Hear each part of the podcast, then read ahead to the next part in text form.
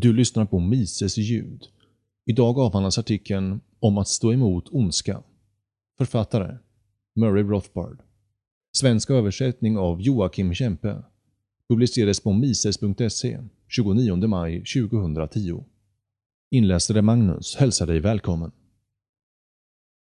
Hur kan någon som finner sig själv omgiven av ett stigande tidvatten av ondska inte göra sitt allra bästa för att slåss emot det?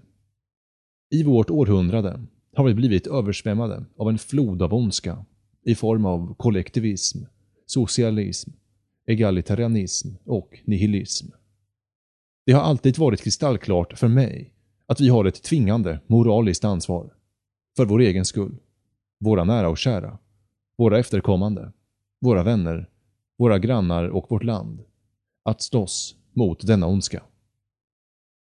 Det har därför alltid varit ett mysterium för mig hur människor som verkar ha identifierat denna ondska och som således sällat sig till det som slåss mot den, antingen gradvis eller plötsligt överger denna kamp. Hur kan man se sanningen, förstå var mans tvingande plikt och sedan helt enkelt ge upp och till och med svika kampen och sina kamrater? Och ändå, i de två rörelser och i deras variationer som jag har blivit associerad med, libertarianism och konservatism, händer detta hela tiden. Konservatismen och libertarianismen är trots allt radikala rörelser. Det vill säga, det är radikalt och starkt motsatta existerande trender gällande statsstyrkan och omoral. Hur kan då någon som har gått med i en sådan rörelse, som en ideolog eller aktivist eller finansiell supporter, bara ge upp kampen? Nyligen frågade jag en klarsynt vän till mig hur den och den kunde överge kampen. Han svarade. Han är den sortens person som vill ha ett lugnt liv, som vill sitta framför TVn och som inte vill höra om några problem. Men i så fall, sa jag i vånda, varför blir dessa människor radikaler till att börja med? Varför kallar de sig själva stolt för konservativa eller libertarianer? Tyvärr hade han inget svar på denna fråga. Ibland ger folk upp kampen för att, som de säger, det är hopplöst. Vi har förlorat, säger de. Förlusten är oundviklig. Den framstående ekonomen Josef Schumpeter skrev 1942 att socialism är oundvikligt. Att kapitalismen är dödsdömd. Inte på grund av dess misslyckanden, utan på grund av dess framgång. Som gav upphov till en grupp av avundsjuka och illvilliga intellektuella som skulle underminera och förstöra kapitalismen inifrån. Hans kritiker kritiserade Schumpeter för att han rådde kapitalismens försvarare att inta en defaitistisk hållning. Schumpeter svarade att om någon poängterar att roddbåten oundvikligen håller på att sjunka, är det då samma sak som att säga “gör inte allt du kan för att ösa vatten ur båten”. I samma ådra Föreställ dig för en minut att kampen mot statens ondska är en förlorad kamp. Varför skulle det implicera att man ska ge upp kampen?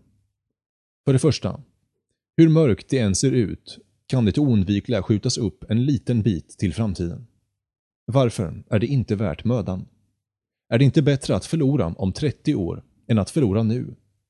För det andra, det värsta som kan hända är att man har kul med att nypa irritera och gräla med fienden. Att hämnas monstret. Detta i sig är värt mödan. Man ska inte tänka på kampen mot fienden som strängt mörker och misär. Tvärtom är det ytterst inspirerande och uppfriskande att gripa till vapen och slåss mot en ocean av problem istället för att möta dem med loj uppgivenhet. Och genom att motsätta sig och kanske till och med få slut på dem. Och om inte, i alla fall göra ett bra försök. Och till slut, vem vet? Om du slåss mot fienden kanske du vinner. Tänk på de modiga som kämpade mot kommunism och Sovjetunionen. Som aldrig gav upp. Som slogs mot skenbart omöjliga odds. Och sen, bingo, en dag kollapsade kommunismen. Självklart är chansen att vinna mycket större om du slåss än om du bara ger upp. I de konservativa och libertarianska rörelserna har det funnits två huvudsakliga former av uppgivenhet av övergivandet av kampen. Den vanligaste och mest klara, uppenbara, är den som jag blivit alltför bekanta med. Förrädaren. Den unga libertarianen, eller konservativa, anländer i Washington. Vid någon tankesmedja, eller i kongressen, eller som en administrativ medhjälpare, redo och villig att slåss. Att rulla tillbaka staten för att tjäna sitt hyllade radikala ideal. Men sen händer något. Ibland gradvis. Ibland med häpnadsväckande plötslighet. Du går till några cocktailpartyn. Du finner att fienden verkar vara väldigt trevlig. Du börjar bli insnärd i politiken. Och rätt snart upptäcker du att du lägger yttersta vikt på någon trivial kommittéomröstning. Eller på någon futtig skattesänkning eller ändringsförslag. Och till slut är du villig att ge upp kampen helt och hållet för ett bekvämt och välbetalt kontrakt. Eller ett flott regeringsjobb. Och medan detta förräderi fortgår finner du att en stor källa till irritation inte är den statliga fienden, utan bråkmakarna på fältet som alltid tjatar om principer och till och med attackerar dig och kallar dig för en förrädare. Det dröjer inte länge förrän du och fienden har samma ansikte. Vi är alltför bekanta med denna förrädarväg och det är lätt och lämpligt att bli upprörd av detta moraliska förräderi om en rättvis kamp. Av kampen mot ondska och av dina egna, en gång uppskattade kamrater. Men det finns en annan form av övergivenhet som inte är lika tydlig och som är mer lömsk. Och jag menar inte bara förlusten av energi eller intresse. I denna form, som har varit vanlig i den libertarianska rörelsen, men som också är rådande i de konservativa sektorerna, bestämmer sig den militanta för att kampen är hopplös och ger upp genom att besluta sig för att överge den korrupta och ruttna världen och på något sätt dra sig undan till ett eget rent och nobelt samhälle. För andianerna är detta Gaulds Gulch från Rands roman Och världen skällde. Andra libertarianer fortsätter att söka efter någon sorts underjordiskt samhälle. Att fånga en liten stad i väst. Att gå under jorden, i skogen. Eller till och med att bygga ett nytt libertarianskt land på en ö, i bergen eller var som helst. Konservativa har sin egen form av denna undanflykt. I varje fall uppstår ropet att överge den usla världen och att forma något litet alternativt samhälle i någon fjärran lantlig tillflyktsort. För länge sedan betecknade jag detta som retritism. Man skulle kunna kalla den här strategin för neo-amish. Om det inte vore så att amish-folket är produktiva bönder och jag är rädd att dessa grupper aldrig kommer att vara det. Den logiska grunden för retreatism kommer alltid förklädd i hög moral och pseudopsykologiska termer. Dessa purister hävdar till exempel att de, till skillnad från de oupplysta kämpar vi är, lever frihet. Att de framhåller det positiva istället för att fokusera på det negativa. Att de lever frihet och lever ett rent libertarianskt liv, medan vi, de smutsiga själarna, fortfarande lever i den korrupta och fördärvade riktiga världen. I åratal har jag svarat dessa retritister att den riktiga världen, trots allt, är god. Att vi libertarianer kanske är emot staten, men vi är verkligen inte emot samhället eller emot den riktiga världen, oavsett hur fördärvad den är. Vi föreslår att fortsätta slåss för att rädda de värden, principer och människor vi håller kära, även om slagfältet kanske blir lerigt. Jag skulle också vilja citera den framstående libertarianen Randolph Bourne som proklamerade att vi är patrioter. Inte för att vi är patriotiska anhängare till staten, utan till landet, nationen, till våra underbara traditioner och vår kultur som är under attack. Vår ståndpunkt borde vara, i Dos Passos kända ord, även om han sa dem som en marxist, vi är två nationer. Landet, som det existerar idag, är två nationer. Den ena är deras nation den korrupta fiendens nation, deras regering, deras hjärntvättande offentliga skolsystem, deras byråkrati, deras media. Och den andra är vår, mycket större nation, majoriteten. Den långt mer nobla nationen som representerar det äldre och sannare landet.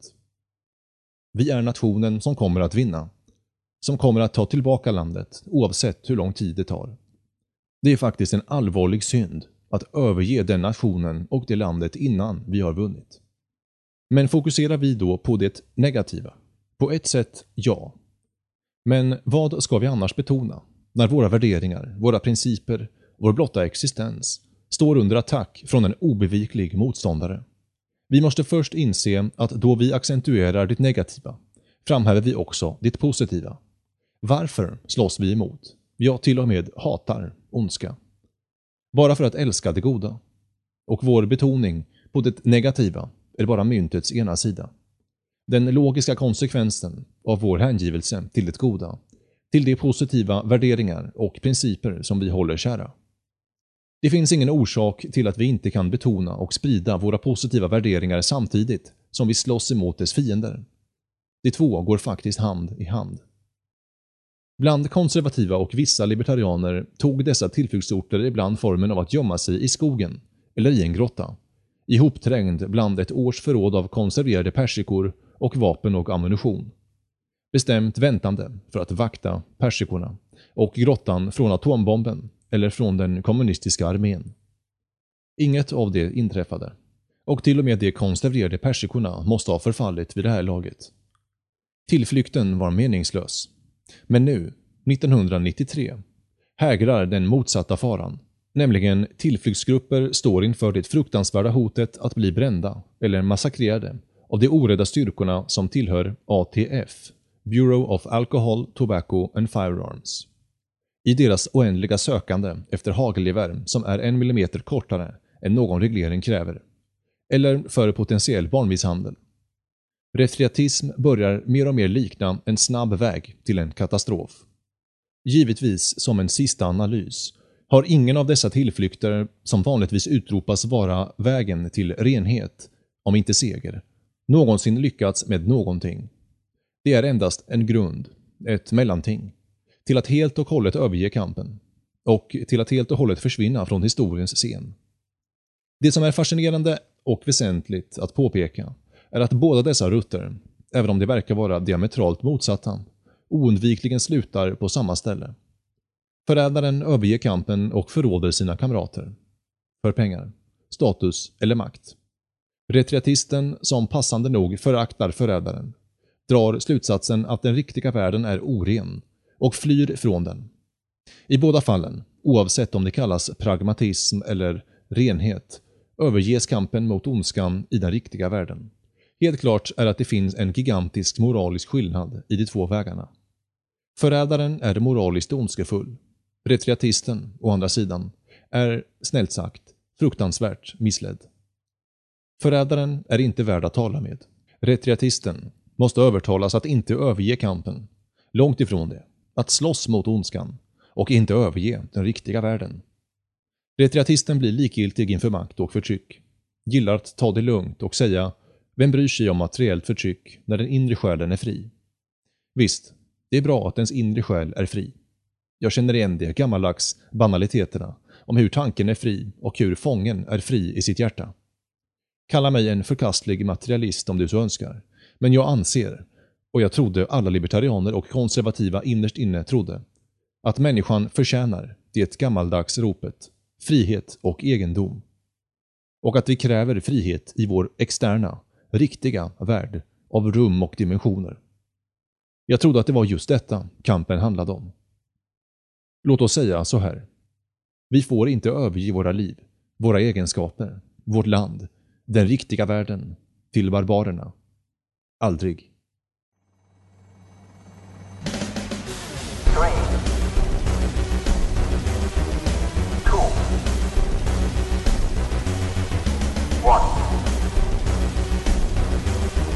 Last,